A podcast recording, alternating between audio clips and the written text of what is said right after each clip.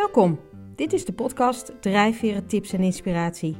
De podcast die je tips en inspiratie geeft hoe jij drijfveren toepast in jouw persoonlijke ontwikkeling en jouw business.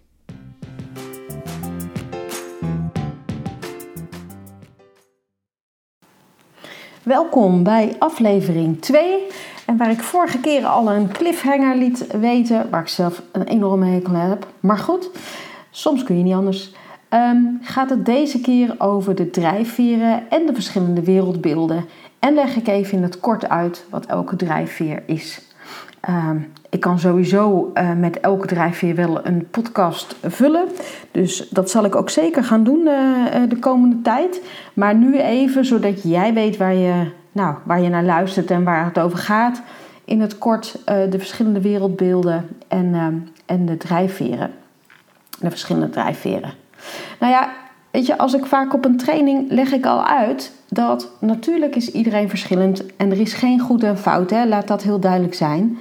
Um, dat als je je realiseert dat elke drijfveer vanuit een ander wereldbeeld komt, dat je dan, um, dat je dan eigenlijk al snapt hoe verschillend we zijn. Um, en dat er geen goed of fout is. Maar ja, dat het nogal uitmaakt uit welk, uit welke hoek je komt zeilen, zeg ik altijd maar. Daar waar paars uh, het wereldbeeld heeft dat uh, ja, de wereld een onveilige plek is en dat je bij elkaar moet blijven en dat je door middel van rituelen met elkaar verbonden bent.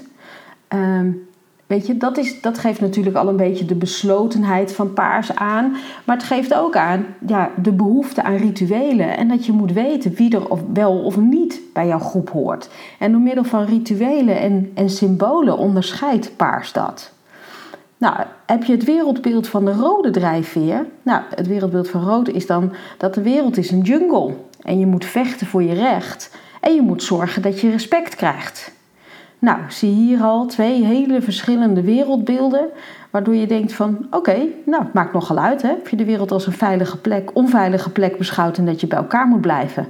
Of dat je de wereld als een jungle beschouwt en dat je moet vechten voor je recht. Um, dus rood zit daar ook zo in. Hè? Die zegt, nou, vecht voor je recht en ik eis respect. Um, waartegen blauw, de blauwe drijfveer als wereldbeeld heeft... dat de wereld een complete chaos is... als we ons niet organiseren en je je niet aan de regels houdt. Dus waar blauw het heel belangrijk vindt dat het duidelijk is wat de kaders zijn... wat de regels zijn, wat de afspraken zijn... want anders wordt het een complete chaos. Voor Oranje geldt dat de wereld is vol kansen. En als je iets wil, ja, dan kan je het ook. En uh, ja, dan zeg ik ook altijd, ik weet niet wie zichzelf nu hoort praten tegen zijn kinderen of uh, de ouders vroeger tegen jou zo praten. Maar als je iets wil, dan kan je het ook. Nou, dat ligt natuurlijk wat genuanceerder, maar dit is wel waar Oranje voor staat. Hè? Uh, de wereld is vol kansen. Het is aan jou om ze te grijpen. En ja, als je iets wil, dan kan je dat ook. Je moet je best doen. Het kost misschien wat moeite, maar ja, als je het echt wil, nou, daar zien we natuurlijk genoeg voorbeelden ook van. Uh, van ondernemers die, die ook er zo insteken. Die hebben een, uh, een ideaal en daar gaan ze ook voor. Nou, groen heeft dan een wereldbeeld dat de wereld gelijkwaardig is. En dat we elkaar moeten helpen en gelijkwaardige mogelijkheden moeten creëren. Nou ja, als je dan bedenkt dat groen nogal van de gelijkwaardigheid uitgaat, dan vraag ik me altijd af, dat is een beetje een standaard grapje inmiddels, maar dat is nog steeds wel dat ik denk, oh, als je uitgaat van gelijkwaardigheid, dan begrijp ik niet waarom sommige politieke partijen rood hebben als, uh, als, als kleur van hun partij. Want het zou eigenlijk groen moeten zijn als je vanuit de drijfveer kijkt. Hè? Uh, maar goed, gelijkwaardigheid. Nou, en je ziet al, wat ik net zei, vol kansen. Hè, zo denkt oranje. Dus als je iets wil, kan je het ook. Uh, die gaat uit van, van je best doen. En waarbij groen zegt, in de basis is iedereen gelijk. Nou, geel, die zegt dan, ah, de wereld is complex en die moeten we echt analyseren om te kunnen begrijpen. En ik merk dat het woord analyseren altijd bij iemand, iemand iets oproept van, uh, nou, uh, weet ik veel, stapels, boeken, honderden spreadsheets. Dat is het niet per se, maar het is wel um, hey, meer in de zin van, hé, hey, wat gebeurt hier nou? Wie doet, niet eens in de taken van wie doet wat, maar wat, wat gebeurt er? Wat, wat uh, gebeurt er in de samenwerking? Een beetje op, op die manier analyseren. Uh, op een afstandje kijken, zo kun je het ook zien. Het willen snappen, willen begrijpen wat er gebeurt. En turquoise tenslotte, um, die heeft als, draai, of als, als wereldbeeld dat de, de wereld een levend geheel is waar we ons op moeten focussen op de gezamenlijke problemen. En die gezamenlijke problemen, ja, dat kan verschillend zijn. Hè? Voor turquoise, vaak vraag ik ook, waar zit voor jou uh, dat wereldverbeterende in? En dan zeggen sommige mensen, ja, wereldverbetering, dat, dat klinkt zo groot, hè? dat klinkt als de hele wereld. Um, en dat is natuurlijk zo. Maar uh, voor turquoise kunnen het kleine dingen zijn. Zo sprak ik uh, laatst iemand die zei: Nou, dat is de reden waarom ik vegetarisch ben. Ik wil toch bijdragen aan het verbeteren van de wereld op die manier. Of een ander zei tijdens een training: van ja, we hebben de plastic tasjes al afgeschaft voordat dat een, uh, een wet werd. Um, en wat je ook ziet, dat was laatst iemand die zei: Ja, in coronatijd wilde ik ook gewoon de oudere mensen, um, en dat is een combinatie van groen en turquoise, uh, een, een, leuke dag geven of, of een glimlach geven. En uh, heeft ze met alle kinderen heeft ze, uh, kaartjes gemaakt voor, het, voor het verpleeghuis of bejaardentehuis. Maar dat ze um, ook de kinderen bewust maakten van wat er, wat er gebeurde of wat dat betekende. Dus in die zin kun je ook een wereldverbeteraar op kleine schaal zijn, zal ik dan maar zeggen. Um, nou, je ziet al die wereldbeelden, dat, het, dat is natuurlijk heel verschillend. Dat je ziet iedereen vanuit een andere hoek komen, komen aanvliegen. En dat maakt al dat um, ja, vanuit de basis mensen heel verschillend kunnen zijn. Want het maakt nogal uit of je kijkt naar de, dat de wereld vol kansen is, of dat de wereld onveilig is, of dat de wereld uh, gelijkwaardig is, of dat de wereld complex is, of een totale chaos. Nou, dat is denk ik wel het allerbelangrijkste van drijfveren. Weet je, waar komt iedereen vandaan vliegen, zal ik maar zeggen. Um, en, en dat maakt dus dat mensen ook andere behoeften hebben. Um, en als je kijkt naar ja, waar staat elke drijfveer voor, of hoe herken je het gedrag, want dat is natuurlijk hè, wat ik in de vorige podcast al vertelde. Het gedrag, dat is wat we boven, eh, boven de waterspiegel zien. En daaronder liggen natuurlijk de drijfveren en wat wil je en uh, nou, dat soort zaken. En als we dan beginnen met, uh, met de paarse drijfveer. Um, dat is de plek, of oh, de plek, dat is de drijfveer die uh, houdt van veiligheid. He, die wil dat die binnen die groep waartoe die behoort, wat een selecte groep is, of meer een besloten groep. Nou, dan kun je aan allerlei soorten uh, uh, clubs denken: hè? motorclubs, Bijbelbelt, studentenverenigingen, familiebedrijven. Het zijn allemaal plekken waar ja, je door de loop der jaren uh, allerlei rituelen en symbolen ontwikkelt, waardoor je weet, ah, die hoort erbij of die hoort er niet bij. Um, um, ik vind oud geld vind ik ook altijd zo'n voorbeeld. Hè? Of, weet je, ja, je kunt heel veel geld hebben, maar dan hoor je nog niet bij oud geld. Dan heb je of een titel nodig, hoewel daar is volgens mij ook wat discussie over. Maar goed, hè, er zijn allerlei ongeschreven regels waardoor ja, ook al, ook al heb je een aantal miljoenen, hoor je niet tot oud geld. Dus die beslotenheid, um, dat is kenmerkend voor paars. En um, uh, een andere belangrijk kenmerk is natuurlijk de, de dienstbaarheid. Kijk, voor paars gaat het om de groep. Het gaat niet om het individu. Het gaat niet om paars zelf. Het gaat om de groep, de familie, de club, de vereniging. Um, en binnen die club zijn er dan allerlei, eh, nou geen regels, zijn er allerlei rituelen um, en symboliek om te laten zien dat je tot die groep behoort. Rood, je weet nog, die van die jungle, dat is degene die durf heeft, die tempo maakt, die kracht zet en focus aanbrengt. Dat krachtig is. Um, en je hoort al aan mij, dat zijn hele korte, korte woorden. En ja, rood is ook vaak heel direct, eh, duidelijk. Hè? Dat is ook vaak als je een beetje rood in je, in je drijfveren hebt, uh, of meer rood, dat je vaak te horen krijgt: Nou, oké, het, is, het is duidelijk. Weet je, het is niet altijd leuk, maar het is wel duidelijk. Um, dat is typisch voor, voor rood. Nou, blauw is dan de drijfveer die gaat voor zekerheid. Je weet wel, hè? als wereldbeeld was het, het is een complete chaos als we ons niet aan organiseren en aan regels houden. En dat is de reden dat hè, blauw kijkt naar, ik wil zekerheid, ik wil duidelijkheid. Wat, zijn de, wat is de structuur en wat zijn de afspraken? Um, dus blauw houdt niet zo van dat brainstormen en dat vage gedoe, zoals Blauw zou zeggen. Die wil gewoon weten: oké, wie doet wat, wanneer en hoe moet het eruit zien? En die gaat aan de slag. En het fijne van Blauw is dat als Blauw een taak op zich neemt, dat je ook zeker weet dat Blauw hem afmaakt.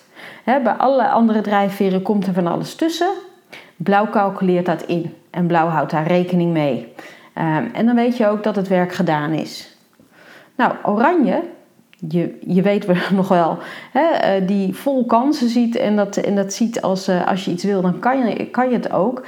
Kijk, die zie je, die, die is competitief, uh, die, ziet, die ziet echt, we hebben geen probleem maar uitdagingen, maar vanuit de positieve manier. Hè, de laatste tijd wordt dat nogal cynisch gebruikt, maar Oranje ziet echt alles als een uitdaging, kan niet, bestaat niet in het, het woordenboek van Oranje.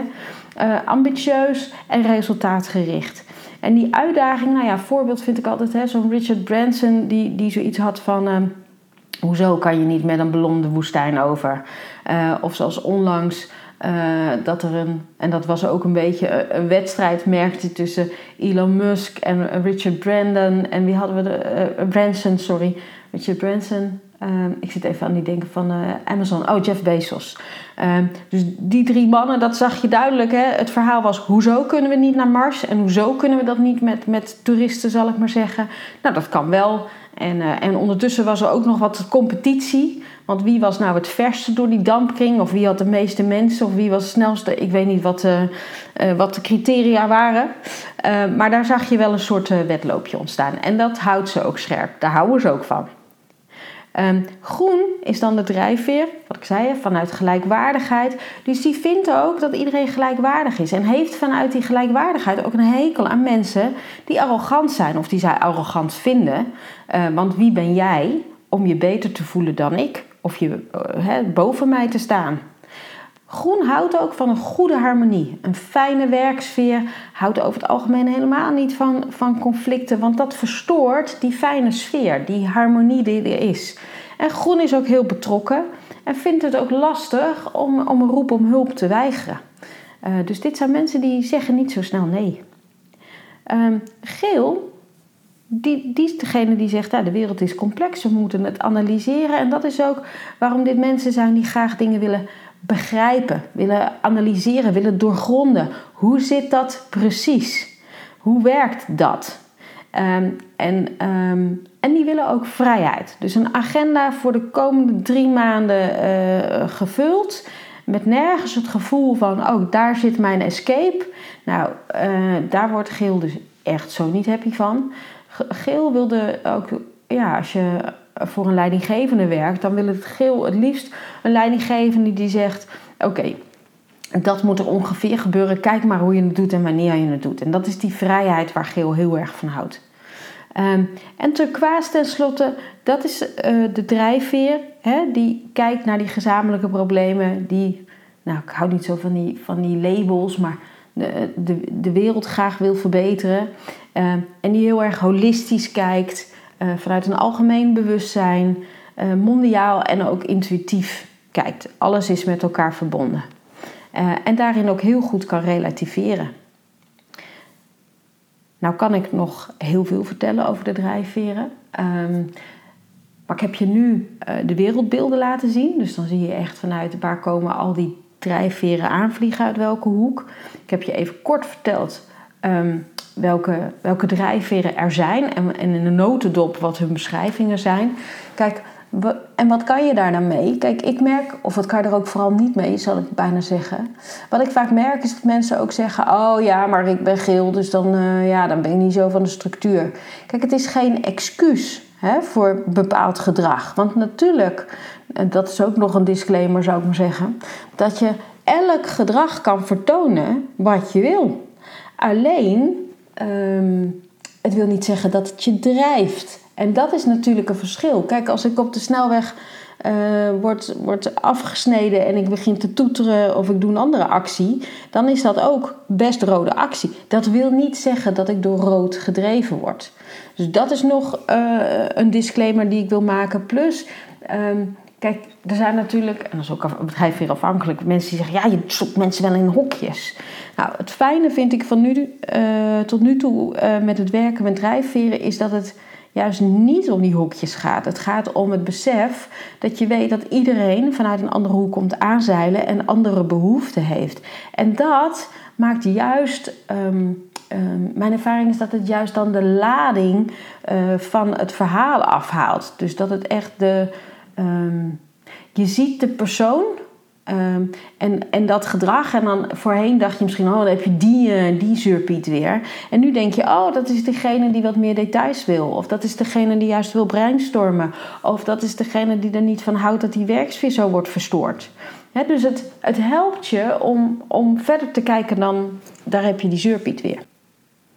Ik hoop dat ik je in deze aflevering wat meer inzicht heb kunnen geven in de verschillende wereldbeelden van de drijfveren en de eigenschappen van het drijfveren. Daar kan ik nog, natuurlijk nog heel veel meer over vertellen en dat ga ik ook zeker doen in deze podcast.